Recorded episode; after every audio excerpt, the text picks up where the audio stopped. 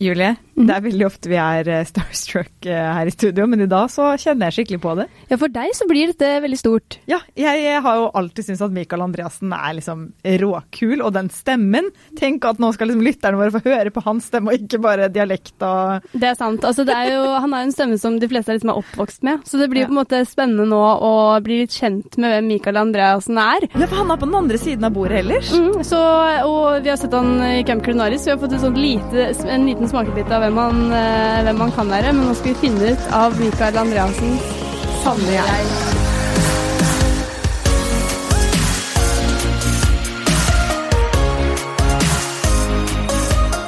Altså, jeg er litt eh, svett, fordi nå har vi Igjen. ja, jeg er svett hver episode, for nå har vi fått inn en som er altså, så god til å prate, og så god på teknikk, at jeg blir helt redd. Mikael Andreassen, endelig er du i studio!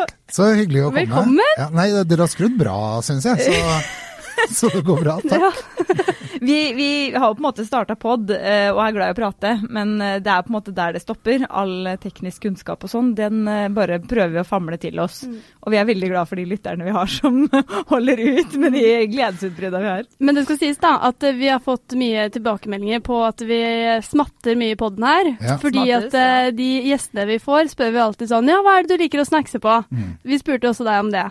eh, men i denne episoden her så blir det jo null smatting. Fordi du, smatting. du ville ikke ha noe å snackse på. Du ville ha bris. Er, jeg, er, det, er jeg døv da, liksom? Ja, men er, det, er, det, er det jeg som er, jeg, Jeg er, tror du Ja, men du er trendy, faktisk. Ja, det, ja. er jeg trendy? Ja, for det ville Katarina Andresen ha også. Vet du hva, det er ekstremt sjelden jeg hører, så takk. Jeg, og det er det som er grunnen til at jeg valgte Bris også. Ja. fordi det er eh, for oss som følger med litt uh, rundt oss, og hva som skjer, og hva som rører seg i samfunnet. Eh, og folk som skal ha brus, det er veldig ut. Det er veldig, veldig 2019. Eh, det har jeg visst lenge. Helt siden 2018, faktisk. Så da ble det, da ble det brisen. Da ble det brisen. Nei, men jeg, jeg, jeg syns vann er litt kjedelig. og så drikker jeg ikke brus noe særlig, og så da blir det bris. Da blir det bris, ja, for jeg syns Farris har for mye kullsyre. Men du er veldig glad i kaffe òg, skjønte jeg. Vil... Veldig glad i kaffe. Jo, men jeg, jeg drikker jo masse kaffe hver dag på jobben, og så drikker jeg nesten ikke Nei, jo litt hjemme også, men ikke så mye. Nei, jeg drikker, jeg drikker veldig mye kaffe på jobben. og når jeg, skal, jeg, For meg er jo jeg er liksom litt på jobb. Ja, ja, ja. Og da drikker jeg kaffe. Da må jeg liksom ha Før så røyka vi jo i studio òg. Oi, yeah. Ja ja. Det må ha vært det, ja. Tenk den tida der. Vet du hva, ja, det var så deilig, det. det var det. Det var helt fantastisk. Da sendte jeg midt i trafikken på P4 sammen med Silje Stang. Ja. Vi hadde to og en halv time sending, og i løpet av de to og en halv timene så røyka vi en 10-11 sigg hver. Og drakk halvannen kanne med kaffe. Til å komme inn i det studioet etterpå! Ja, men Det er så rart at den generasjonen deres fortsatt er i At dere lever, det er jo fascinerende. Ja, men det er sant. Det er utrolig. Ja, det er helt utrolig, Ja, faktisk. at vi lever er et, er et uh, under, faktisk. Nei, men tenk, fy fader, vi satt og røyka og røyka og røyka. Og, kun, og når det ble røykeforbud i studiet, så var det sånn Nei, da går det ikke an å være kreativ. Nei, det kan bare glemme det. Kan bare glemme det. Ja, Husker men jeg Var det dårlig Gerd- stemning? Å ja, er du gæren? Ikke vi fikk lov å røyke i studio lenger. Altså, Det var jo katastrofe, for at eh, vi må være kreative. Det var det eneste vi hadde argumenter. Eh, Fordi det tekniske utstyret prøvde de seg på, nemlig sa at nei, da, det går dårlig for det tekniske utstyret. Så fant vi ut at det blir Det hadde ikke noe med det. Nei, jeg er sikkert sitter og tar asken opp i miksebordet, men det gjør du ikke. Så det gikk det fint. Eh, da hadde, men da tenkte vi at da går det ikke an å være kreativ. Nei, da må vi slutte, da, alle sammen. Jeg husker Gerd Johansen som hadde fem høns. Hun slutt, hun, Nei, da slutter jeg. Er det sant? Men slutta hun nå? Nei, hun gjorde ikke det. Nei, okay. Nei, hun gikk av med pensjon. Ja, hun gjorde det. Ja, ja, hun gjorde det. Ok, men eh, vi skal jo da ha disse spørsmålene fra den franske forfatteren Marcel Proust. Dette er jeg spent på, fordi jeg har hørt om Prost, men jeg har ikke hørt, Har du eh, hørt om Prost? Har du det? Julie hadde ikke Ja, jeg har hørt om Prost. Å ja. ja! Men det er fordi at alle som vi snakker med, er sånn der eh, Aner jo ikke hvem det er, så de bare jatter. Ja. Det er så tydelig at de gjør det. Men jeg er veldig spent på spørsmålene. Kan hende jeg jatter òg for å unngå å svare på spørsmålene. Det kan hende jeg gjør. Men, men Marcel Prost han, eh, han tok jo det her fra en selskapslek, så han har egentlig kopiert det litt. Det var en fransk selskapslek, tok dem til seg selv og mente på at dette skal finne, her skal vi finne ut personers sanne jeg. Så det er på en måte en avansert form for storleken, liksom. Ja, rett og slett. Men vi har tatt et utdrag. altså de spørsmålene, Det er sånn 60-70 spørsmål, så det er sånn ti stykker vi har henta ut, da. De dere syns er gøyest. Ja. Ja. Eh, og så er det jo, vi velger inn um, uh, gjester som vi er veldig nysgjerrige på, men du er jo også aktuell uh, i Camp Culinaris. ja. Eh, Åssen var det å være med på? Du vet hva, Jeg syns jo det var kjempegøy. Jeg, jeg syns det, seriøst. Det var dødsgøy å være med på. Det er jo Det ser ut som et galehus. Ja, men til tider, til tider så er det jo det. Eh, Det er det. Og det er faktisk det er, Jeg er litt overraska over hvor mye de ikke har tatt med. Oh, ja. Oi.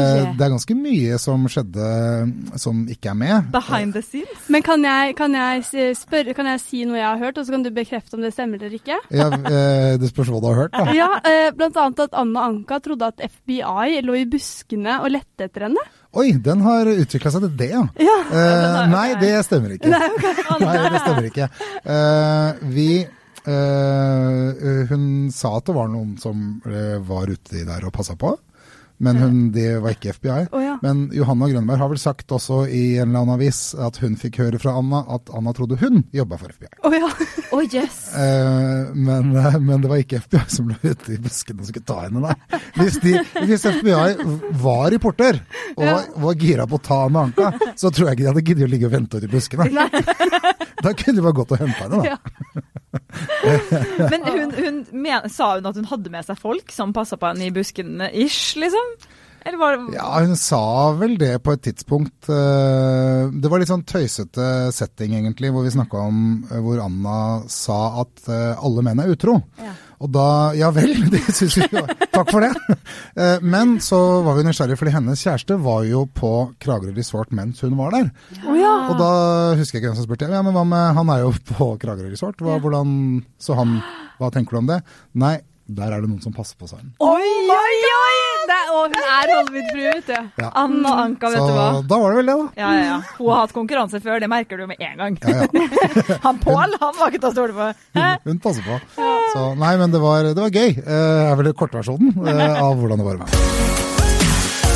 Vi går over på spørsmåla. Um, og det første er jo alltid hva tenker du på om dagen? Oi! Nei, nå er det jo uh, veldig enkelt, fordi jeg har akkurat flytta. Oi! Så nå har jeg bare tenkt på alle de detaljene som jeg skal fikse. Og jeg prøvde jo for Eller jeg prøvde, jeg lever jo uten bil fordi jeg bor i Oslo sentrum. Så da tenkte jeg fader, hvorfor skal jeg betale 1800 kroner i måneden i parkering pluss det det koster å ha bil, da. Ja. Så da tenkte jeg jeg skulle prøve å leve uten bil, og det har gått i over et år superbra. Jeg har brukt mye mindre penger. Jeg tror jeg har brukt like mye penger på å leie bil som jeg brukte på å ha bil i halvannen måned i løpet av et år. Oi! Det er såpass, ja. Det er stor forskjell. Og, men nå må du leie bil. Ja. Så må du hente en kassebil der, og så skal du sørge for at noen får båret det inn der, og hente det der, og så skal du pakke. Å, fy fader, jeg er Men hvor er det du har flytta hen, da? Øh, Til Oscars gate, rett ved siden av Bogstadveien. Å ja, så du er fortsatt i Du sentrum? er i sentrum, Eller du er ja. fortsatt er i du Oslo? Ja. Nei, men nå høres det ut som at du liksom skulle- måtte liksom flytte langt til lands. Ja. Nei, nei, nei. Men, men det er ikke noe mindre å pakke selv om du flytter på internt til sentrum. Det er liksom akkurat det samme, da. Men liksom, hva har du funnet som er sånn derre Hvorfor har jeg det her? Hva? Når du pakker, så er det jo alltid sånn der Ja, ja, ja. Du finner jo altså så mye rart. Men du finner sånn masse Jeg kaller det for rusk og rast. da, for Du har, du har jo delt opp alle eskene. ikke sant? Det er kjøkken der, og så har du bøker der, og så har du sånn, og så har du for, eh, Ganske greit å ha det i system, egentlig. Og så kommer den siste haugen med skit som ikke hører hjemme noe sted. Skulle du gitt alle hver sin eske, så må du kjøpe 100 esker på Claes Olsson og gi dem én eske hver. For de passer jo ikke sammen. De bor jo ikke sammen. Ja. De er ikke glad i hverandre engang. Det blir kastet opp i en skuff. Og så eh, skal du da ja, Det jeg gjorde, eh, det jeg, jeg putta det oppi poser. Så la jeg det oppi én eske, og det er den siste esken jeg kommer til å åpne. Og jeg skal vedde på at eh, nå i løpet av noen dager nå, så kommer jeg til å trenge alt. Det- Nei, men det så, er så det sånn er ting man trenger? Ja, jeg tenkte sånn, Kan du ikke liksom- bare kaste det? Eller kanskje Eller ikke trenger noe av det. Ja, men det er sånne, sånne ting som når du kjøper noe på Ikea, da, så blir det alltid en mutter til overs. Og du er noen som tar vare på sånn? Og jeg har sånn? ikke kasta den. Den og du tar vare på- på. Tar du vare på det? Men du vet jo ikke hva det hører til. Nei da, Nei. men en, en, en, dag, en liksom. mutter en dag, det kan være kjekt å ha det. Du, du tar sikkert vare på de der knappene som tilhører jakker òg, du da. Ja, ja, ja. Ja, men det, det er jeg veldig glad for, for her om dagen så røyk det en knapp i, eh, i jakka mi. Og det var første gang i livet, sikkert. Men Ja, du hadde andre- knappen. Kanskje andre, men jeg hadde knappen. Men hvor Men jeg har ikke sydd den inn. For det tror jeg på. hvor mange roteskuffer har du hjemme? Men akkurat nå så eh, holder jeg på å flytte inn, så nå er Mm. alt bare et stort rot.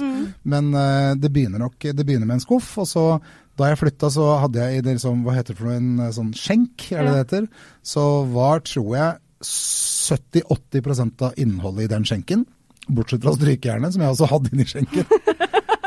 Og så og sånn, sånn, Norges, sånn norgesflagg sløyfegreie i sånn bånd. Det tar du også vare på? Ja, fordi at det er jo 17. mai neste år. Ja. Ja, ja. Ja. Bare sånn ræl. Ja, ja. Og det ligger da oppi samme pose som uh, sånne pakkebånd til julegaver. Og Og det er to helt forskjellige årstider. du må lage en egen julepose. Det er Ja. veldig lurt. Ja, det burde jeg hatt. Så nå har jeg en pose hjemme nå med julestrømper eh, og norsk får jeg sånn flaggbånd og en, en sånn teipdispenser. Ja, ikke sant. Men uh, 70-80 av skjenken var vel uh, ræl. Ja. Det er lov å jeg håpe at du har bodd. jeg jeg har til og med sånn fatle, i sånn tilfelle noen skader armen. Nei! Altså, hva er det her for noe? Ligger oppi der. Det er, det er, ja. Altså, du må få Hva heter det Hjelp. programmet? Det derre Ja, det der norske rotehjem! Synnøve Skarve Ja, du kommer hjem få eh, hun til å egentlig flytte inn for deg, sånn at du bare flytter inn i orden. Mm. Samtidig så føler jeg egentlig at jeg hadde hatt lyst til å ha en sånn der bruktekspert hos deg, som kunne bare faktisk verdsatt noen av de Ja, plutselig er det en verdi. Så Nei, er det, det vi, altså, si vi snakker om samla verdi på en hundrelapp, da. Ja. Jeg, tror, jeg tror ikke vi overstiger det veldig. Nei. Det er Mikael Andreassen sin fatle. Altså, jeg mener, det Ja, ja, stiger i ja, det er skikkelig mye verdt. Ja. Fra da han brakk Jeg har brukket armen to ganger. Brukt av Mikael. Mm. Nydelig. Men eh, neste spørsmål. Ja. Eh, hva er ditt favorittord? Oi! Shit. Det Det vet jeg ikke, for jeg har, jeg har ikke noe favorittord akkurat nå. Nei. Er det noen sånne ord du bruker for mye? For du er sikkert veldig bevisst på alt sånn. Nei, i det daglige så er jeg ikke det. Eh, altså, jeg, jeg henger Jeg, jeg har sånn dårlig egenskap noen ganger at jeg kan, selv om jeg noen ganger uh, sier feil selv, og hvis jeg hører meg selv si feil, så blir jeg like irritert på meg selv, og så retter jeg det med en gang. Eh, sånn som i stad, så sa jeg når, når jeg egentlig skulle, Si da. da. Eh, da må jeg rette meg selv med en gang. Oh, ja. Eh, og det kan jeg irritere meg over. Og det er sånn dustete. Ja. Skikkelig dustete. Men jeg banner mer når jeg ikke er på jobb. Men Ok, jeg kan si det jeg sier. Ja, ja, men jeg har jo jobba i radio siden jeg var 13 år. Ja. Nå er jeg 48. Altså, jeg gikk på skole ved siden av, altså, men, eh, men eh, det er det, Jeg vet ikke, det er en bryter som går av, som, eh, som gjør at jeg slipper opp mer for banning. Og det jeg sier hvis eh, det er et eller annet, så er det å si Er det lov å banne? Ja, det er Ja, er du gæren? å, det virka det var litt entusiastisk. Ja, jeg er en her skal Det er banne. mange som ikke vil banne! Så vi blir sånn, har du ikke noe kult banneord? Ja, hva er favorittbanneordet, da? Ja, men da, nei, nei, men Det er ikke så veldig avansert, det, men det er, det er sånn Faen i helvete! Det er sånn sterkt og godt. Ja. Jo, men det er, det er favorittbaneordet mitt, i hvert fall. Ja, men det som er med Michael Andresen, er jo problem... Altså, for det er jo, når jeg intervjuer deg innimellom òg, så er det jo det å høre den stemmen din, er jo liksom som balsam for øra. Å, det, blir, det er hyggelig. så når du banner i tillegg da, så blir det liksom Det blir flott. Det blir fin banning. Du kan lese inn en sånn liten eh, katett, kassett, kassett, som det heter. Med litt sånn Faen. Ja. Jo, men, ja, men, jeg, Helvete.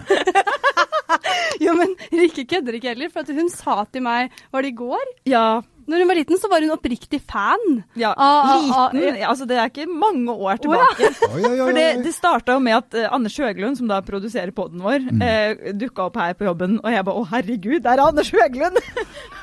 så nå har jeg på en måte uh, Nå føler jeg at jeg har nådd et mål, da. Når jeg på en måte har Mikael Andreassen i poden, da Men da er du radiointeressert, da. Ja, men jeg jeg hva er fire P4 Vinterlyd! Ja, det er det hun er fan av. ja, Ja. du har vært på vinterlyd. Og det er så koselig! Det er Ja. sånn, det er påska det, på en måte, i Hafjell. Ja. Ja. Vinterlyd er jo kjempegøy. Det, det syns jeg er kjempegøy òg. Det så egentlig ikke ut som du syns det. Jo, jeg syns Vinterlyd, ja. Det er med men sånn syns- tragiske mennesker som deg, Rikke. Nei, du, seriøst. Vinterlyd er jo kjempegøy. Eh, det har jeg kost meg masse med. Der har vi jo Nå har ikke jeg vært med på alle, men jeg har vært med siden 2013. Ja. Men det er lenge nok. Så det er nesten så lenge Ja, som vi har det vært på fjellet. Ja, Det begynner faktisk å bli en stund siden jeg tenker meg om. Mm. Men for alle som er godt over 40, ute, så tenker vi at alt etter 2000 er skjedde i går. Du er jo eh, en av landets mest kjente radiomenn, vil jeg si. Eh, og du har, du har jo drevet med siden du var 13 år, ble det du sa? Mm. Eh, hvis du på en måte skulle hatt et annet yrke, hva eh, Gud forby. ja. hva skulle det vært?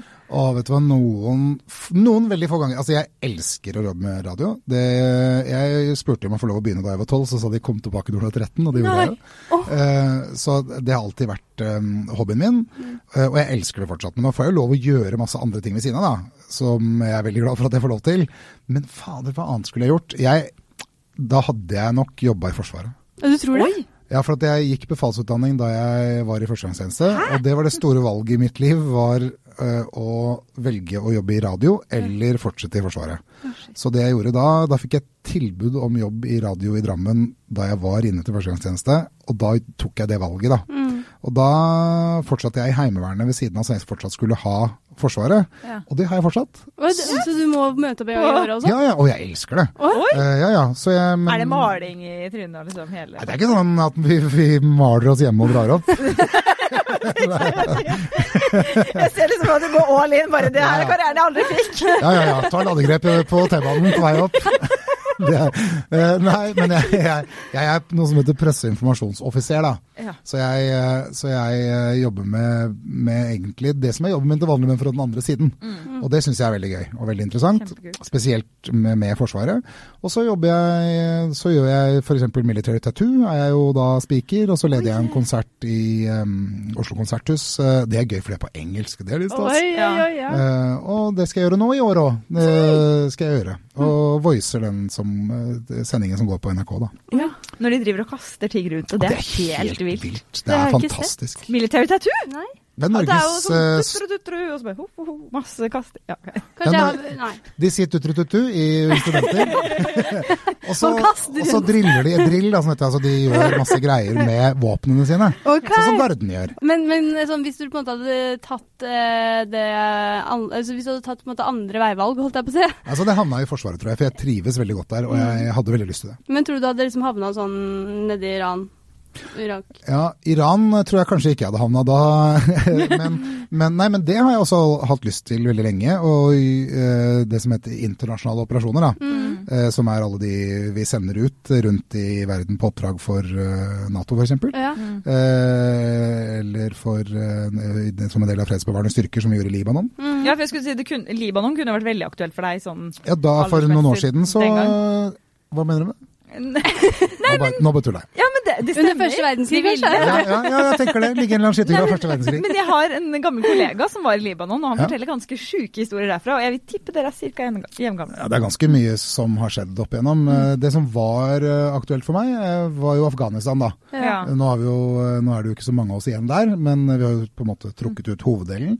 Det er noen, noen spesialstyrker igjen som, som støtter, eh, støtter afghanerne, men eh, det var jeg veldig nære på å gjøre òg. Mm. Dette, dette vet jeg ikke om, eh, om jeg har fortalt, men jeg, eh, jeg er jo alkoholiker, da, som dere vet. Mm. Og før jeg slutta å drikke fordi det som skjedde, var at når jeg tok på meg uniform, så slutta jeg å drikke. Da drakk jeg ikke. Oh, ja. Det er kjemperart. Var det drakk- respekten, liksom? Eller jeg vet ikke, men det skjedde noe med meg. Jeg fant mye handla for meg om en indre uro, og den tilhørigheten og det vi gjorde sammen da, i Forsvaret, gjorde at jeg eh, Da drakk jeg ikke. Og da tenkte jeg at fader, det, det er det som er redningen for meg, tenkte jeg. Eh, det er å Hvis jeg bare kommer meg ned til, Afghan, nei, jo, til Afghanistan, så eh, kan jeg gjøre noe jeg elsker å gjøre. Jeg får oppleve det. Og jeg kan, det, sånn kan jeg slutte å drikke. Oi. så, Så du trodde det var veien ut? ja, men du, du er jo, altså, sånn som for meg, jeg var jo helt desperat. Jeg ante jo ikke hvordan jeg skulle klare å slutte. Jeg ville jo slutte lenge før jeg klarte det. Og så, eh, da jeg kollapsa jo på jobben eh, og ble kjørt til eh, sykehuset, da var jeg også i en prosess hvor jeg hadde lyst til å dra til eh, Afghanistan. Og Forsvaret visste jo, de visste jo ikke noe om mitt problem. Nei, nei, nei. Så da, mens jeg var på rusakuttmottaket på Aker sykehus, dagen jeg våkna og kom til meg sjøl og sånn, så ringte det en fra Utenriksdepartementet. Nei, Er det sant? Ja, men hadde, altså, Ja, de, jeg de, skjønner hadde, det, men det er bare to helt forskjellige de hadde jo verdener. stoppa meg før jeg Ja, dro, ja, eh, men, men, men han, de, hadde jo ikke, de visste jo ikke om det. Nei, nei. Ja, hei, hei, og ja, da hører jeg at du kunne tenke deg å ta en tur ned til Afghanistan. Det hadde vært fint. Og da husker jeg, du vet hva, nå er det passer litt dårlig akkurat nå. Gå på en liten smell her, da. Nå skal du høre. Så jeg har gått på litt av smell. Så nei, men, hvilket år var det her? 2012. 2012. Ja. Mm. Men kan jeg spørre, fordi du, du har vært veldig åpen om dette med, med alkoholisme nå, at du er alkoholiker. Men eh, hvordan skjedde den overgangen? Var det liksom, Tok det lang tid, eller var det Fra til å bli det, mener du? F Nei, fra at du drakk til du ikke drakk, på en måte. Å ja, nei, men den overgangen skjedde jo veldig bratt. Fordi oh, ja, eh, jeg. Altså til at jeg ikke drakk mer. Da, altså Det som skjedde, var at jeg kollapsa jo på jobben. Og ble henta i ambulanse på, eh, utenfor studio i P4. Lå jeg på en sofa der, bevisstløs. Og så kjørt til uh, rusakutt-mottaket da, på Aker sykehus. Mm. Og uh, var da på sengeposten der i noen uker. Mm. Og etter det har jeg ikke drukket. Ja, Nei. så det var. Så det var på en måte det som skulle til. Altså, Mm. Jeg mener at uh, for at man, hvis du er rusavhengig, da, som jeg kaller det, Mm. så må du gjennom altså Du må nå det som er din bånd. Mm. Altså, Men min bånd er jo, den er jo veldig subjektiv. Mm. Så du, hvis du hadde sett meg et år før, så hadde nok eh, for deg så hadde nok jeg nådd den bånd Ikke allerede. sant? Jeg. Men for meg så var det Måtte ikke det være så drastisk, på en måte. ja, Mm. og da mister jo folk forskjellige ting. Da. Så jeg hadde nesten mista mye. Eh, jeg hadde mista mye, men jeg hadde nesten uh, mista barna mine. Mm. Eh, men jeg hadde ikke mista jobben. ikke sant? Mange mister jobben også, men det er noe av det siste mange mister, faktisk, er jobben. Sant. Men jeg hadde noe igjen, men det var for meg min bånd. Mm. Og da var jeg i stand til å ta imot hjelp. Og det er jo det det handler om, er å være i stand til å ta det imot. Det er akkurat det. Men når, når husker du sånn cirka når du skjønte liksom at eh, nå øh, nå har jeg et problem, liksom. Mm. Så når var det det på en måte gikk over til at liksom eh, kosepilsen ikke var en kosepils lenger. Mm. Det, altså, jeg, og det er jo sånn som jeg har gjort i etterkant når jeg har slutta, er at jeg har gått tilbake for å finne ut av det. da. Mm. Fordi der og da tenkte jeg ikke sånn. Mm.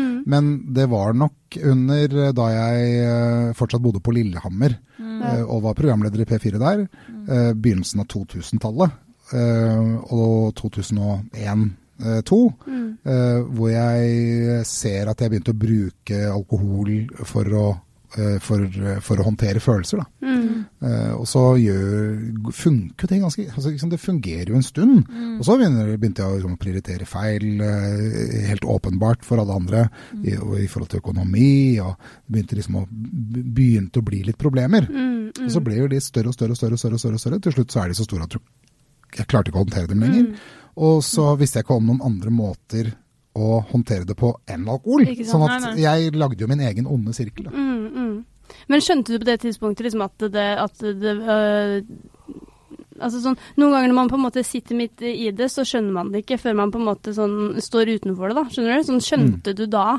at det, du hadde et problem, eller måtte kollapsen til før du liksom skjønte det? Jeg skjønte før jeg kollapsa i Ja. 2012 at jeg hadde et problem. Ja. Uh, det skjønte jeg, Mm. men jeg visste ikke hvordan jeg skulle klare å fikse det. Mm. Jeg, jeg prøvde å slutte. Eh, Jeg klarte å holde meg i fem uker, var det lengste jeg klarte å holde meg, uten alkohol. Mm. Og da får du alle de umiddelbare gevinstene, da, som at du sover bedre om natta, og du har liksom svetta ut og føler deg freshere, og alle disse eh, som kommer med en gang. Mm. Eh, og så kommer det jo en hverdag igjen, og så alle de problemene jeg hadde skapt, det er jo der fortsatt. Ikke sant. Og jeg var jo ikke i stand, jeg hadde jo ikke lært meg hvordan jeg skulle håndtere det, hvordan, hvordan eh, jeg skulle klare det uten alkohol. Mm. Eh, Jeg gjorde heller ingenting for å jobbe med meg sjøl. Jeg brukte jo samme strategien som jeg hadde gjort hele tiden, og det var å skyve det unna og legge f.eks. regningen i skuffen. ikke sant? Mm. Uh, og det ble til slutt så stort og uoverkommelig da, at eh, jeg visste ikke hva jeg skulle gjøre, og, for å, og det var så mye angst. Mm. Eh, jeg hadde jeg, jeg klarte jo ikke å sove på soverommet de siste årene, fordi jeg klarte ikke den roen, den stillheten. Så jeg sov i stua med TV-en på da, for å distrahere meg med noe annet. Eh, og det var ikke før jeg begynte å lære meg hvordan jeg skulle tenke og jobbe med meg sjøl, Mm. at jeg var i stand til å møte eh, verden og livet uten rus. da. Men nå er det for meg sånn helt altså vi har jo, Livet blir jo ikke en, eh, en rosa sky hvor du ligger og koser deg selv om du ikke drikker alkohol. Mm. det, du må jo fortsatt håndtere livet. Det som er eh, Det forandrer seg jo ikke selv om jeg har forandra meg. Mm. Men, eh, men nå har jeg måter jeg håndterer det på. Mm. For du er veldig åpen om det, sånn, du har jo skrevet bok. Mm. Og, eh, og altså, hvorfor er det på en måte så viktig for deg å kunne snakke så åpent om det? på en måte? Det er jo eh, en egoistisk grunn, og så er det en annen grunn som eh, Den egoistiske handler jo om å eh, hele tiden bare stenge dører, da. Mm. Selv om for meg så er det ikke sånn at jeg går rundt og har lyst på alkohol. Jeg, jeg får heller ikke noe sånn trang til å drikke. Men jeg vet ikke om jeg kan få det om et år, eller to, eller tre, eller fire, eller fem. Altså dette skal jo vare. Så det kan, har jeg ingen garantier for. Så da vil jeg bare sørge for at alle muligheter er lukka. Ja. Så at alle, flest, ja, Ja, ja. flest mulig vil reagere hvis de ser meg på en pub med en øl. Mm. Det er en fin sånn en, Ja, Det ja, er én grunn. Mm. Uh, en annen grunn er jo at jeg følte meg helt alene. Jeg trodde ingen andre hadde det sånn. Jeg følte meg som et utrolig dårlig menneske. Mm. Uh, som ikke klarte å mestre det som det ser ut som om alle andre klarer. da. Mm. Uh, og det er så fint da å For jeg, da vet, jeg vet at veldig mange andre har det akkurat sånn. Og det da å se at ja, men fader, han så langt nede ved han. Uh, hvis du leser boka mi eller uh, har lest noe om meg, så ser du også hvor langt nede jeg var. Altså Jeg prøvde å ta livet mitt eh, i 2005. Eh, men det går an å få det til. Det går an å fikse det. Selv om det ser så mørkt ut, da. Så tenker jeg da er det veldig fint. Jeg fikk faktisk en melding fra en et år etter at jeg sto fram i VG første gang. Han fortalte meg, han sendte meg en melding på Facebook, og så skrev han at han den dagen det sto i VG, så satt han på en pub og drakk for å drikke seg til mot, for han skulle ta livet sitt. Shit, Ikke sant. Og så hadde han tilfeldigvis, så lå VG på bardisken, så hadde han lest den artikkelen om meg, Mm. så hadde han revet ut, bretta det sammen, putta det på innerlomma i jakka si, og så sendte han meg en melding et år etter, hvor han da ikke hadde tatt livet sitt, og den artikkelen hadde han fortsatt på innerlomma i jakka. Å, herregud. Og d- sånne ting, da. Ja. Jeg får litt Eh, gåsehud. Ja, det. Må jo være helt eh, litt sånn hva slags, altså, hva slags følelse gir det deg, liksom? Nei, det er jo en helt Ja. fantastisk følelse Mm. eh, å tenke at fy fader, ja, men da, det var jo en del av min hensikt også. Mm. eh, å kunne hjelpe andre. Og så er det det er ikke noe å skamme seg for lenger. Altså Skam er det er veldig skambelagt, selvfølgelig. Du skammer deg for at, for at du ikke klarer å mestre dette. Eh, men jeg skammer meg ikke lenger. Mm. Og du kan jo si til meg ja, men du var alkoholiker. Sånn, ja, det var jeg. Ja, men du oppførte deg ikke så ålreit alltid. Nei, det gjorde jeg ikke. Men jeg kan ikke gjøre noe med det nå. Mm. Eh, men jeg kan oppføre meg ordentlig nå. Men, men det syns jeg er så absurd oppi det her, sånn tidsmessig. På den, men på den tida hvor det, hvor det begynte å bli ille, som du sier, så var det jo liksom glansdagene til P4 virkelig. Altså, eh, og ikke bare P4, men så medienes glansdager. Det, det rant inn med penger og sånn, og, og dere hadde suksess. Eller hvordan var det å på, var, det et resultat av at ting gikk så bra òg, på en måte? Eller hva, hva var det som Nei, skjedde? Liksom? for, for meg så, så Altså, det var jo en må huske på at P4 og TV 2 er egentlig ganske like i den forstand at vi er ganske nye. altså, P4 ble starta i 93, eh, og det å komme inn i P4 jeg begynte i 96, var jo rett inn i en eh, fest på stigende kurve. Eh, vi hadde på en måte vår tid på Lillehammer, mens TV 2 hadde sin i Bergen, ikke sant. Ja, ja. Eh, du vil nok helt sikkert møte en og annen tidlig TV 2-profil også som har hatt sin tid på Riks i Bergen, som vi hadde vår på Brenneriet på Lillehammer. Ikke sant? Eh, vi var en gjeng eh, som eh, både elska og fortsatt elsker det vi driver med, som var sammen veldig, veldig mye. Ja. Vi var sammen fire-fem kvelder i uka spilte Trivial Pursuit, gikk på Brenneriet, og, og da drakk vi jo hver gang. Ja. Mm. Men vi reflekterte jo ikke noe over at vi drakk mye, for alle andre rundt. Det var som en russetid, da. Ja, ja, ja. For, Bare over flere år. Bare at den sa på en måte ikke slutt. Ikke, Ja, ikke sant? Ikke Mens de andre en etter en flytta ned til Oslo, så var jeg fortsatt igjen på Lillehammer. Og når ikke det miljøet var der lenger, så bytta jeg miljø. Da begynte jeg å jobbe i baren på Brenneriet. Er det sant? Ja, ja. Det gikk det på andre.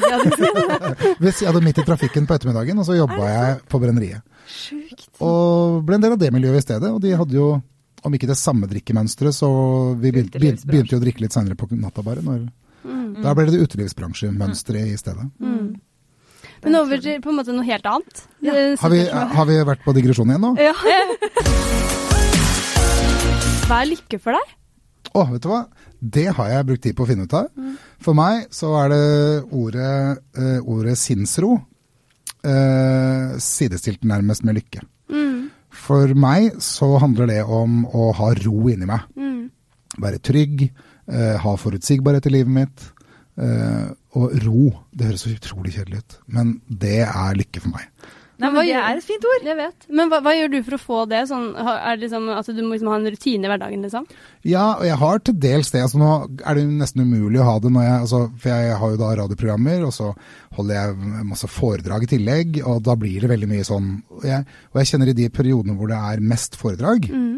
i tillegg til jobben min, så liker jeg det ekstremt godt, men når jeg pakker for mange på for kort tid, så skaper det uro i livet mitt. Ja, ikke sant? Eh, Så da, jeg gjør det jeg gjør da, er at jeg eh, bremser opp, og det er jeg flink til heldigvis da, at jeg ligger i forkant hele tiden. Ja, men da setter jeg, ja, men fra den datoen, så har jeg ingen de neste 14 dagene eller tre ukene. Ikke sant? Og det å ha rutiner som trening, eh, som er viktig for meg, det å da ha liksom, det å bare gå hjem etter jobb og være ferdig for dagen, Mm. da prioriterer jeg det. Mm. Men jeg er veldig flink til å ligge i forkant og, og ta forholdsregler, da. Mm. Og så bruker jeg tid på når jeg legger meg om kvelden, å rydde opp i eventuelle problemer, hvis det er noe. eh, tankespinn, som jeg vet mange sliter med. Eh, så rydder jeg opp, og så definerer jeg dem. Eh, eh, ok, hva er det jeg gruer meg til hvis jeg har en uro i kroppen, og hvor, hvor kommer den fra? Stopper jeg alltid opp og lurer, prøver å finne ut av det. Nå blir jeg sånn, At du klarer det her, er jo helt utrolig. Men, altså, men det høres Det veldig Ja. ideelt ut. Jeg Ja, men føler jeg skal ringe deg i kveld og bare Hei, nå kan vi snakke litt her nå. Nei, men du må bare gjøre det. Gjøre det og gjøre det og gjøre det. Jeg måtte bestemme meg for å gjøre det fordi det var viktig for meg. Eh, så det gjorde jeg det hver kveld. Var ikke Øy! Kom ut, kom ut fra institusjonen, så var det bare Men, men er det er liksom sånn det er ting som du måtte ha funnet ut av selv, eller er det liksom som du har fått eh, hjelp til via terapi og sånne ting? Er liksom sånn eh, Tankesettet har jeg fått hjelp til ja. Mm. via noe som heter tolvtrinnsmetoden. eh, som er eh, en metode, det er en amerikansk metode fra 30-tallet. Eh, Tolvtrinn? Tolvtrinnsmodellen er det noe som heter. Det er eh, anonyme alkoholikere eh, som har laget den, eller de som da skapte anonyme alkoholikere. Mm. Eh, og det er på en måte min måte å holde meg frisk på, som det heter. Mm. Jeg tenker jeg får, jeg får helt sånn Jeg skal hjem og rydde opp, jeg nå. Sånn, skal, men fordi jeg tenker det du sier med å gå og legge seg. Mm. Eh, Det, det er noe med det å ikke eh, gå og tenke på sånn ja, men hva hvis det og sånn og sånn. Og så bare Men hvis jeg legger meg, så vet jeg at jeg er et mye bedre menneske dagen etterpå enn hvis jeg legger meg klokka liksom to. Ja, da, da er du ti ganger verre. Det er det. Ja. det, er det. Det er som heter eh, Wilhelmsen, han driver hypokonderklinikken. Han burde dere ha som gjest en gang. Han er fantastisk. Ja, ja! Eh, Han er helt nydelig, han. han sier ja, ja, du vet hvem det er? Ingvald. Ja. Det Da tror jeg han kommer til å ta oss på altfor mye. jeg tror, jeg tror vi skal Han det er for mye jobb for meg, dere to. Ja, Verden er full av uforanderlige ting. Eh, det vi kan gjøre noe med, er hvordan vi forholder oss til dem. Eh, det er ganske klokt sagt. Ja. Hvem er heltene i livet ditt? Heltene i livet mitt. Mm. Så jeg, det er sånn, for jeg spør også noen ganger noen om de har forbilder og sånn. Ja. Men så er jeg så glad for at jeg slipper unna det spørsmålet. Jeg har mennesker som jeg eh, har sånn veldig respekt for. ja. Eh, sånn eh, Sylfest Lomheim, som er professor i språk, som var eh, tidligere leder av, Språkrådet. I alle dager. Ja, men sånn kunnskapsrik og en formidlingsevne som er helt fantastisk. Eh, som jeg liksom syns eh, blir litt starstruck eh, av å Du og det språket, altså. ja, men jeg, å, det er helt fantastisk. Og herregud, jeg, jeg får noen ganger jernteppe på navn. Eh, det er bare for at jeg er alkis, uten å glemme jeg. Det er lett Det er veldig fint å ha noe å skille på. Ja. Nei, men herregud. eh, han som hadde Han som eh, Han døde, han eh, professoren som hadde f.eks. verdenshistorien på 120 minutter. Ja, Frank eh, Frank Aarebrot. Aarebrot. er også en sånn person Mm. eh, som jeg syns er eh, Som jeg syns er bare Jeg, jeg haka dette litt ned, liksom, når jeg hører på sånne mennesker. Sånne mennesker, eh, om de, jeg vet ikke om jeg skal kalle de for helter. Men er det for, fordi det er åpenbart liksom veldig kunnskapsrike folk? Er det noe du misunner, på en måte? eller? Kanskje, jeg vet ikke. Jeg har ikke satt meg ned og definert det heller, for det har ikke vært viktig for meg å definere det. Men, og så har jeg, Fordi, ja, men I din jobb så er det jo veldig viktig, på en måte, litt sånn som for vår del òg, å kunne en del om mange. Ja, ja. Så man har kanskje ikke plass til den veldig spesifikke kunnskapen nødvendigvis. da. Nei, men Sånn- det har jeg. Det, det er jo åpenbart med å holde på sånn. Så må du kunne litt om alt, og så lærer du. Og det er det som er dødskult med en sånn jobb. er at eh, En gang for mange år siden det, så ringte jeg husker jeg, til en ekspert på Balkan. For da var det konflikt på Balkan. Eh, og så i, i det jeg liksom han svarte, så tenkte jeg, husker jeg, fy fader så heldig jeg er. Jeg lurer på noe om, eh, om Balkan. Da ringer jeg til en fyr og sier jeg er fra P4, og da gidder han å høre på meg. Ja, ja. De gidder å fortelle. To timer satt han han forklart meg om Balkan. Skjønte jeg alt etterpå. Men for en Altså, Men Vi har verdens beste jobb. glede. At vi har den heldig. muligheten. og jeg har lagd portrettintervjuer med så utrolig mange interessante, kunnskapsrike Torvald Stoltenberg, f.eks. For Oi, Har du intervjua han? Har du gjort portrett på han? Jeg har laget eh, sikkert 150 portrettintervjuer eh, med massevis av eh, eh, Alt fra Kåre Willoch til Wenche ja. Myhre. Ja. Eh, og Altså, da jeg jo- reiste jeg hjem til dem, så jeg var hjemme hos Thorvald Stoltenberg. Ja, jeg, skulle jeg ville jo hjem til han på julemiddag, for han har jo vært på, med den der silda si som han drev og langt sammen Ja, ja, i alle år på TV. Men nå er det litt sent, da. Det Jeg reiste hjem til, eh, jeg reiste hjem til eh, Jeg begynte med en sånn norsk serie om norske artister, og så bare utvida vi det, og så ble det bare portrettintervjuer. Eh, og da var jeg hjemme hos Thorvald Stoltenberg. Det var fantastisk eh, å bare sitte og lytte til han. Han så kunnskapsrik og så mange historier. Men han var utrolig glad i julekake. Og så fikk han ikke lov av kona si å spise julekake. Er det sant? Ja, det var sikkert uh, noe med kolesterol og sånn, da. Ja, ja. Å Sånn nei, det er det verste som Bare når han hadde gjester. Da fikk han lov. Så når jeg kom, så sto det julekake på bordet. Og da, og da jeg var ferdig, så sa han nei, vent, eh, og lurte på om jeg kunne sitte litt til. fordi Karin kom og tok julekaka, når jeg gikk. Er det sant? Så jeg satt en time til. Og bare gomla julekake. Nei, jeg var ikke noe glad i julekake, men det var jo kjempegøy. Ja, ja. Det er det nydeligste. Det er veldig Da ble det en digresjon igjen. Ja. men, nei, men, men jeg lurer litt på det, apropos holdt jeg på å si, jobb, da, for jeg har hørt deg eh, i alle år, tydeligvis, på, på P4. Men, men jeg har hørt en god del på, eh, på Ari og Mikael, som gikk nå. Ehm, og det, jeg må innrømme at jeg har hørt en del på det i etterkant av Aris dødsfall også. Mm. Eh, Det er noen episoder jeg huska hvor man var inne på, på en, måte en del temaer som var veldig heavy. da. Ja. Eh, hvordan er det for deg å på en måte Har du hørt på de episodene i etterkant? Nei, jeg har egentlig ikke gjort det, altså. Men, men eh, nå eh, og det, jeg, jeg har hørt noe, eh, og selvfølgelig nå som Mari er borte, Ja. så fremstår jo de enda sterkere. Vi snakka jo, om, vi snakket jo om de tyngste tingene der også innimellom. Eh, Så, så det blir jo selvfølgelig enda sterkere Ja. eh, når han ikke er her mer. Ja. Det gjør det. Men jeg har ikke hatt noe sånn behov for å sette meg ned og høre mer. Jeg snakka jo med han ja. Eh, fram, altså til eh, til midten, av, midten av september. ja. Eh, etter det så, så sendte vi noen meldinger og sånn, men vi, vi snakka ikke sammen ja, kanskje en gang på telefon. Mm. Men vi møttes ikke etter, etter det. Mm. Så, så jeg visste jo på en måte hvor han var. Eh, bortsett fra at jeg Det er jo ingen som kan forstå på forhånd at det, sånn kommer til å skje, tror jeg. Men, eh, men eh, nei, jeg har ikke hatt noe behov for det, egentlig. Nei. Mm. Nei. Men ble dere venner? Fordi, eller sånn i, i, eh, I serien så følte jeg jo at man hørte det veldig Altså Det hørtes ut som dere var veldig venner. Mm. Men følte du det, på en måte? at Ja, vi var det. Ja. Vi var veldig, vi var veldig gode venner. Ja. Eh, jeg kjente jo på en måte altså Det er jo mange som har altså han, han var jo eh, Han hadde jo så mye venner. Altså, Mm. altså så mange, og så mange også som følte at de var venner. Ja. Eh, fordi han var så åpen med alle, ikke sant. Eh, hvis eh, dere to hadde tatt med dere 100 venner og dratt et sted, så hadde alle 100 etterpå, hvor Ari hadde snakka til alle sammen, så hadde alle 100 etterpå følt at han snakka bare til dem. Det var liksom sånn han var. Mm. Eh, og som har kjent uh, Ari godt i faser av livet, da. Ja. Og, og andre har uh, kjent han i helt andre faser, mens jeg kanskje kjente Ari best da han hadde det som tyngst. Ja. Så de siste, ja, siste to-tre årene Mm. Før det så har jeg hatt det samme forholdet til Ari som veldig, veldig mange andre. Mm. Hvor vi har altså, hvis andre hadde sett eh, når vi møttes på byen, selv om vi kanskje har møttes to ganger før, så hadde de trodd at vi var verdens beste venner på grunn av måten Mm. han Var møtte meg på, som han møtte alle på. Ja, Mm. ja. Men hvordan holdt jeg på å si, tok du den var, var det noe du hadde sett for deg på noe vis? Altså at det kunne gå sånn? Nei, det gjorde jeg ikke. Jeg så ikke for meg at, at han skulle velge å ta livet sitt. Mm. Det så jeg ikke for meg at det var det han skulle velge. Altså, vi hadde snakka om tunge tanker, Mm.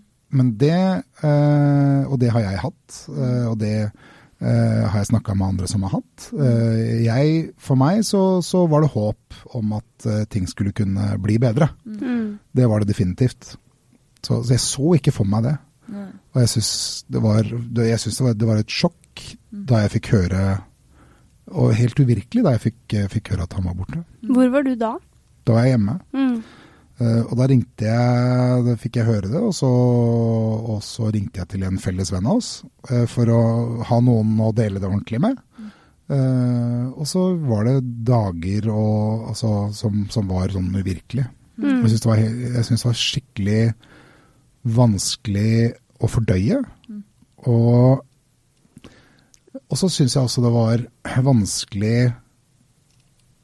å Hva slags For at det, ikke sant, mediene ringer da, ikke sant. Mm, Eh, og da hadde jeg jo ikke noe lyst til På en måte så har jeg jo lyst til jo å si fine ting om Mari. Mm. På den annen side så med en sånn offentlig person, da, Mm. så er jeg samtidig redd for at noen skal tro at jeg velger å snakke med VG for å få oppmerksomhet selv. Ikke sant? Ja. Så det er mange Ja. sånne tanker også som går gjennom, uh, går gjennom hodet, gikk gjennom hodet mitt, i hvert fall. Mm. Samtidig.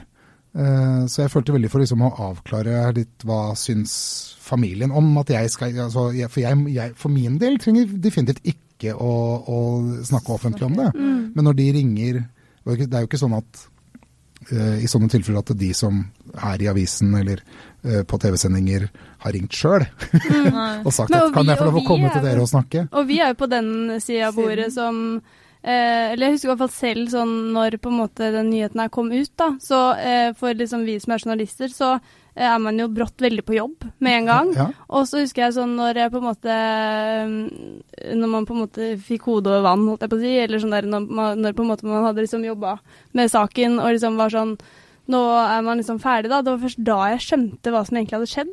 Skjønner du hva jeg mener? Ja, men jeg skjønner akkurat hva du mener. fordi Mm. når det ikke har vært så nært meg, så er jeg sånn jeg òg. Mm. Jeg kan synes at det er trist, det er mennesker jeg har møtt, eh, og jeg synes at det er trist. Mm. Eh, men det sto meg jo ikke så nær at, eh, at det blir personlig på samme måte. Eh, ikke sant? Eh, og da er jeg på jobb. Mm. Men når var det du på en måte skjønte eller liksom når, i, altså Gikk det opp for deg liksom hva som egentlig hadde skjedd? Sånn, tok det liksom litt tid før du på en måte skjønte at Ja, han er faktisk død, liksom? Mm, Det tok litt tid. Det gjorde det. Og, og jeg tenker på den fortsatt, jeg. Mm. Uh, uh, hvor jeg på en måte til og med kan eh, smile til han, holdt jeg på å si. Det er, det er rart, det der. Mm. Men, men, det, og det er fint. Eh, det syns jeg bare er fint. Mm. Men jeg forstår jo at han er borte. Det gjør jeg jo. Mm. Men nei, jeg, jeg syns altså de, Du får det jo enda tettere på i begravelsen, selvfølgelig. Eh, da, da er det på en måte Der er kista. Eh, det er på en måte Der er han. Mm. Eh, du møter andre mennesker som, som også har det vondt fordi han er borte. Det ble på en måte Den, den samlingen i kirken var veldig sterkt, syns jeg. Og når Maud Angelica holdt den talen hun holdt også, så herregud. Så ufattelig modig. Så utrolig sterkt å gjøre det hun gjorde. Og det å velge å snakke om dette på den måten hun gjorde i den begravelsen, m- mens hun samtidig skal ta et farvel med pappaen sin. Fy fader, altså. Det er kanskje noe av det aller sterkeste jeg har opplevd. Ja, ja. Jeg er helt enig. Men sånn, hva syns du på en måte om åpenheten som har vært rundt uh, Aris dødsfall? Det var kaffe. Mm. Er den fortsatt god? Ja. Ja. Du, det er eh, jo Altså, det er jo akkurat det samme jeg valgte med, eh, med min historie. Og jeg syns det er så bra at familien valgte å eh, snakke åpent om det. Fordi der også er det så mange mennesker som føler seg alene med problemene sine. eh, tenker at det er uoverkommelig, ikke ser noen annen utvei. eh, som da kanskje tør å enten si til noen at de sliter, ta kontakt med en hjelpetelefon eh, eller noen andre for å få snakket om det. Mm. Og ikke minst også kanskje en åpning for andre også, å spørre hvordan vi har det. Det er kanskje noe av det uh, som jeg som, som menneske uh, lærte av Ari, var denne For han hadde, han hadde en sånn filterløs tilstand. hvor, hvor eh, Jeg har jo sagt det før, men han er liksom den eneste kompisen jeg har hatt noen gang som sa 'jeg elsker deg'. Oi! yeah. Og første gang han sa det, så bare Ja. Det er nesten mm, Altså Hadde det vært andre enn han, så hadde det vært ukomfortabelt. Mm, yeah. uh, uh, men, men dette i møte med andre mennesker, da. Uh, disse filterne vi har. Når jeg har droppet Jeg trodde jeg var ganske filterløs, men det er jeg definitivt ikke. Uh, men, men, men i det møtet med, med, med andre, så er det et rom der som som, det er ikke flaut. Eh, du føler ikke at det er flaut. Og det da å møte andre sånn, så får vi så mye styrke og kjærlighet av hverandre, da. Som, som, eh, som er utrolig bra. Altså, vi kunne vært veldig mye flinkere til det i møte med hverandre. Hvem eller hva er ditt livs største kjærlighet? Hvem eller hva er mitt livs største kjærlighet? Altså, Kjæresten min er jo mitt livs største kjærlighet, hvis du snakker sånn voksenkjærlighet, bortsett fra barn. hvis, eh, hvis, eh, nå, ville, nå ville sannsynligvis datteren min protestert høylytt, for hun vil si det er meg. Ja. Eh, men selvfølgelig er det sønnen min på 24 og datteren min på 16, som er de to største kjærlighetene i livet mitt. Ja. Eh, og så er det selvfølgelig kjæresten min, som nå er samboeren min. Oi! Eh, det er veldig gøy. Ja, har er det nå dere ble Vi har flytta samboere? sammen. Å ja, er det det som er Du må ikke si 'jeg har flytta'. Da må Ja, du si men- vi. Du må øve på 'vi' da. På måte. Vet du hva, det sier hun noen ganger har helt rett. Jeg skal øve på vi. Eh, Det, det er det definitivt. Og så dere har flyttet. Det er veldig hyggelig. Gratulerer med det. Takk. Det syns jeg Da er ble, det, da ble det plutselig mye mer stas at du flytta. Ja, plutselig så var det så var det Oi, er det det? Ja, ja, ja, ja.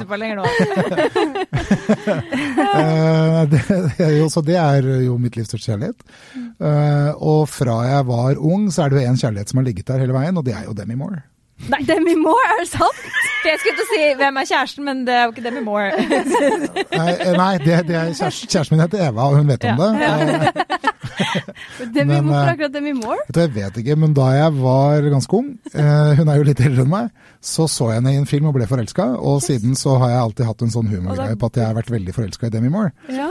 Så jeg husker for noen år siden da jeg var singel, og datteren min da var etter at jeg slutta å drikke, så det er ikke så Så lenge det var i fjor. ja, Nei, det var ikke i fjor.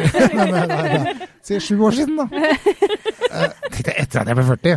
Så, på, eh, så, så, så hadde hun laget sånn Nei, men pappa, du må Først så lagde hun en, en konto til meg på møteplassen, husker jeg. Men hun, var, men, hun var sur på, men hun var sur på meg, så hun skrev at jeg var homofil. Er det sant?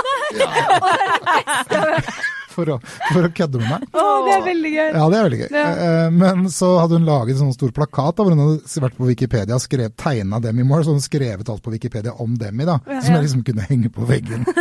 Åh, det ser... Men eh, ja. Men har du fått møtt eh, Demi? Nei, nei, nei. nei, og det må, nei men det vil jeg ikke. fordi og med en gang det blir for nært hvis det, altså det er jo det som er fint, eh, at man liksom har lov, eh, man har lov å ha en sånn eh, 'det er greit'-liste. Ja. Men de må være uoppnåelige. Ja. Altså, Koreansk har- boyband, Julie. Er vi der? Nei, nei, nei, det er meg som er der. Men vi bør ikke ta den. Å, du er der, ja. Ja da. da. Ja, ja, ja. ja, Jeg, vi skulle faktisk spørre hvorfor dere kan spille med BTS på P4, men det kan vi også ta senere. Ja, det kan vi ta, det kan vi ta senere. Når jeg så på en eller annen sånn amerikanske doktor sånn, Er det sånne operasjoner gone wrong? Da var Ja, en, det er jo en som har en som å bli Jimin, som jeg liker. Ja, Det er han de har liker, prøvd å Nei, ikke han som opererte, for Nei, nei. Han ble jo, det ble jo katastrofe. Han har brukt mange hundre tusen på det. Men uh, la oss gå tilbake til Demi Moore, for jeg lurer jo uh, umiddelbart på hvordan det arter seg. Altså Nei, fordi, nei, men, forelskelsen. nei, greia eh, var at uh, jeg hadde For jeg har jo kjendiser på arbeidsuke hos meg. Ja, ja, ja. Så var det Vendela Kirsebom hadde arbeidsuke. Og så drev vi og fleipa med det og tulla med det. Så, så, så sier hun plutselig Ja, men jeg kjenner henne. Ja, ikke sant? Selvfølgelig kjenner Vendela. Ja. Ja, mm, Og da blir det sånn Nei, nei, nei, nei! nei, da ble det for nære. Ja, og så sier hun at jeg tror jeg har telefonen hennes hjemme, kan vi ikke prøve å ringe det? Oh, og så hvis det er for gammelt, så uh, henne Vendelas eks i eh, Los Angeles, han ja. kjenner fortsatt Demi tydeligvis. ja. Så da kunne hun bare ringe han og få nummeret. Jøss, det er såpass Da måtte jeg sette ned foten. Ja, ja, ja. Det går ikke. nei. Nei, for da blir det nært. Ja. Ja. For illusjonen kan briste, Ja, er det det? ja, det er jo illusjonen som er bra. ja, må jo aldri, Nei. altså, du må ikke Jeg sitter og tar notater, jeg nå. Men, men, men, ja, men se for deg telefonsamtalen, da. Ja. Hello? Nei, My men, Norwegian friend nei, men du har jo Stemmen Hva? har du jo. Altså, du må bare liksom Hello. Du tenker det holder? Ja, altså, hun hadde jo vond, du hadde jo vondt på den. Hello. How are you? And the Viking Da, hun, calling. hun hadde lite syntes det var creepy. ja, kanskje ikke, kanskje ikke så mørk. Men, Nei, jeg dro på litt der. Ja. Nei, jeg tror det skal være, være det der, jeg. nå får jeg vondt, vondt av Eva. Bare, Hva med Demi, da? Nei, jeg tror, jeg tror Eva tåler det. Hva er din største frykt?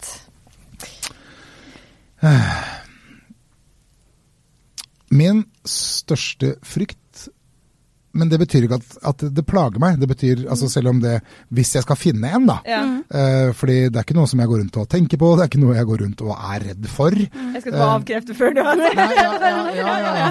Nei men, men det som hadde gjort meg vondest av alt, er å blitt alene. Altså ensom. Jeg har kjent så mye på den følelsen. Eh, og det er det vondeste jeg vet.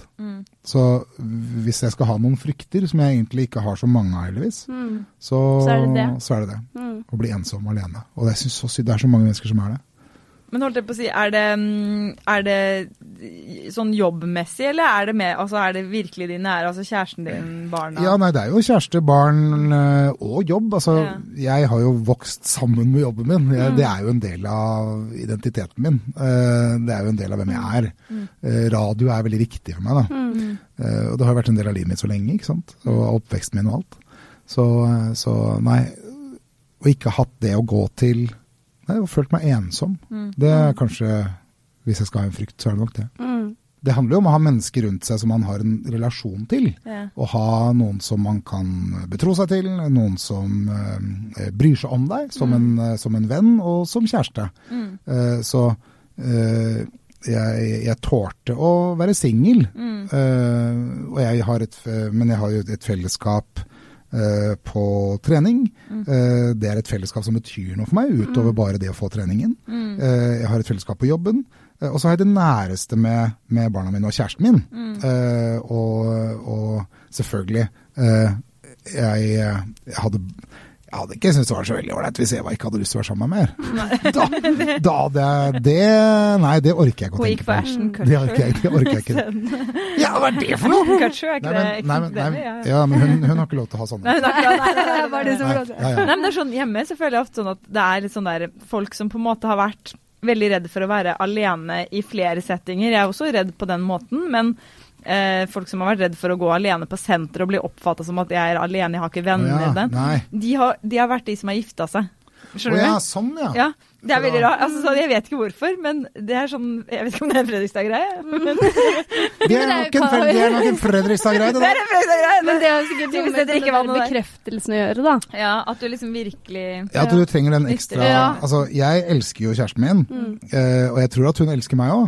Og det holder jo i forhold til akkurat den biten av det. Ja. Det å gifte seg med henne, som jeg selvfølgelig skal gjøre en gang, mm. det, det er bare en koselig fordi at da er man sånn Det blir sånn enda litt nærere. Mm. Uh, men, eh, men Hvor lenge er har dere vært sammen, egentlig? Uh, nå har vi vært sammen i snart tre år. Å ja.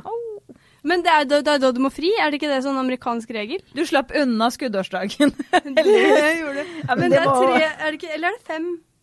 Jeg vet ikke. I alle sånne Er det amerikanske forskning? filmer Nei, så er det sånn eh, derre Og nå eh, Skal dere pushe meg? Skal dere liksom pushe meg til å fri? Nå må du fri? For vi har sånn P4G, så vi kan bare ringe opp her nå.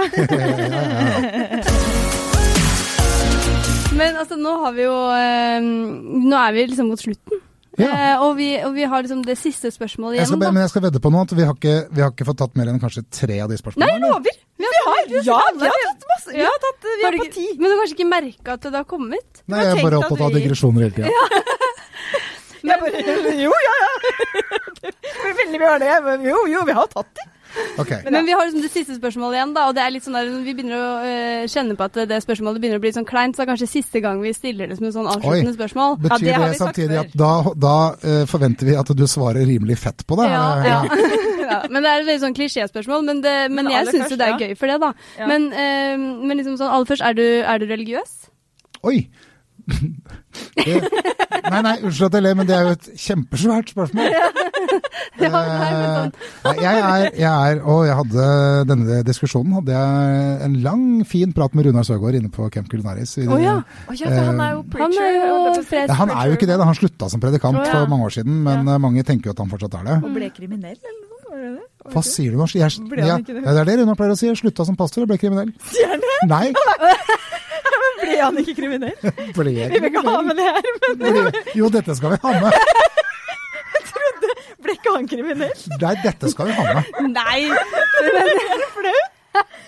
Jo, men jeg tenkte hver gang var han kjent Jo, men, den. nei, men det var vel noen saker på noe at han ble anklaget for, for noe sånn snusk? Noe snusk, noe litt sånn uh, underslags... Underslagsgreier, var det. Ja, ja. Fantastisk. Nei, vet Nei, du ikke det her? Jo, jo, jo. du, ja. jo, jo. Men det som er gøy, er at jeg syns vi kan bare la det være med at Runar Søgaard han slutta å være predikant. Han ble kriminell i stedet. Han, eh, det handler om regnskapsting og sånn i forhold til firmaer eh, i ja. Sverige. Og akkurat nå så er han dømt, eh, men eh, saken er anka. Ja, okay. Eh, ikke Anna Anka. Anna Anka! Jeg tenkte på det! Og jeg Men, eh, Anka. men jeg syns det er mye bedre. Eh, Runar Søgaard, hvis du hører denne podkasten, jeg bekrefter med dette at eh, du slutta å være pastor og begynte å bli kriminell i stedet. Og nå kommer jeg til å ha så mareritt at Runar Søgaard står utenfor meg hei, hei. Jeg har kommet her med kokkekniv. eller? Nei, men han må dere ha, han må dere ha som gjest, vet du. Han er eh, Ja. Å nei, nå Nei. Stopp. Nei, ingenting. Ikke han som gjest, nei. Nei, jo, det må han som Ja. gjest. Mm. Men eh, tilbake til er du Men er du løs? Uh, Eh, eh, både ja og nei. Mm. Jeg eh, forholder meg til at det er en kraft som er større enn meg, men den kraften trenger ikke å være noe fra Gud eller fra noen andre. Det er, det er en kraft som jeg tror vi har inni oss, men at vi jeg, jeg, har- Dette har jeg hørt egentlig fra en, eh, en prest eh, som holdt et foredrag som jeg, da jeg var på institusjon. Mm. Han definerte dette som Guds kraft. At det var Ja. en kraft som eh, Jesus Han mener at Jesus ikke døde på korset for å, eh, at eh, vi alle skulle bli tilgitt våre synder, men eh, at han ville vise oss denne kraften. Mens jeg er ikke så sikker på om det er noe som kommer fra Gud. Men jeg tror vi har den i oss for det. En indre kraft, denne indre stemmen som forteller oss hva som egentlig er riktig og ikke. Men at vi liksom, Og noen har bedre kontakt med den enn andre. Men jeg eh, er ikke så opptatt av om For er- jeg tenker at det er ikke så farlig hvor det kommer fra. Det er ikke så farlig, og jeg Det kan være udefinert, på en måte. ja, det kan godt være udefinert, kan godt hende det finnes, kan godt hende det ikke finnes, men det der er tro. Uh, og de gangene jeg har behov for å tro på det, så tror jeg på det. De gangene hvor jeg ikke trenger det, så tror jeg ikke på det. Mm, mm, Ja, ja. Så ja, nja. Men du er litt spirituell, fordi det, fra Are og Mikael så følte jeg på en måte at du, du tøysa litt med det, på en måte. Men Ja, ja. eh, Du, du er litt spirituell. Ja, man kan jo være spirituell og åndelig uten å være religiøs. Ja. Eh, det kan man jo. Mm. Men jeg Altså om ting er skjebnebestemt eller ikke, da. Mm. Der er jeg jo inne på hva kan jeg gjøre noe med og ikke. Ja. Eh, og det er ting som uansett hva jeg tror og tenker om det, så spiller ingen rolle. Og eh, samtidig med altså, jeg tror på mye av budskapet i kristendommen som handler om å være ålreit mot hverandre. Som handler om å være grei og snill med hverandre. Eh, men, men, men det trenger på en måte ikke være noe som kommer fra noe sted. Mm, Eh, ikke sant? Det, det betyr ikke noe for meg. Så jeg, men det er jo verdier, da. Mm. For meg. Men hvis det liksom er uh, Fins en eh, himmel og en gud, da. Mm, hvis det gjør det. mm, Mm. eh, hva vil du at Gud skal si til deg når du ankommer? Hva jeg vil han skal si. Det, er, det er da det spørsmålet vi vurderer å kutte ut hver Ja. gang vi tar det. Det- er litt vi klisjé. Ja, det er klisjé, men vi er litt glad i det òg. Jeg vet det. Ja, jeg håper han har litt humor, sier, eh, eh, sier uh, Fy fader. Surra og rota! Hæ?! Ditt, altså, herregud at du levde så lenge. Det er et underskill for meg. Men velkommen! Ja, jeg har lest boka di! Men, eh, men kom nå inn! Sett deg ned, slapp av. Og snakk litt. Ja, jeg har lyst til å lese ut. Nei, jeg, eh. At han har litt humor, så vi kan le litt. Eh, og så er jeg egentlig bare interessert i å slappe av kulden, jeg. Når jeg kommer dit. Ikke sant. Tusen takk for praten, Mikael. Det her har vært så har vært veldig hyggelig. Og takk for at du kom og besøkte oss. Takk for at jeg fikk lov å komme. Jeg blir jo sånn, Det er jo så gøy å ha deg på den siden her. Det er jo alltid du som er på den andre siden. Og nå er du Og det her ja. Jeg har vel klart å skravle mest allikevel, tenker jeg. Å, det var Kjempekoselig! Ah,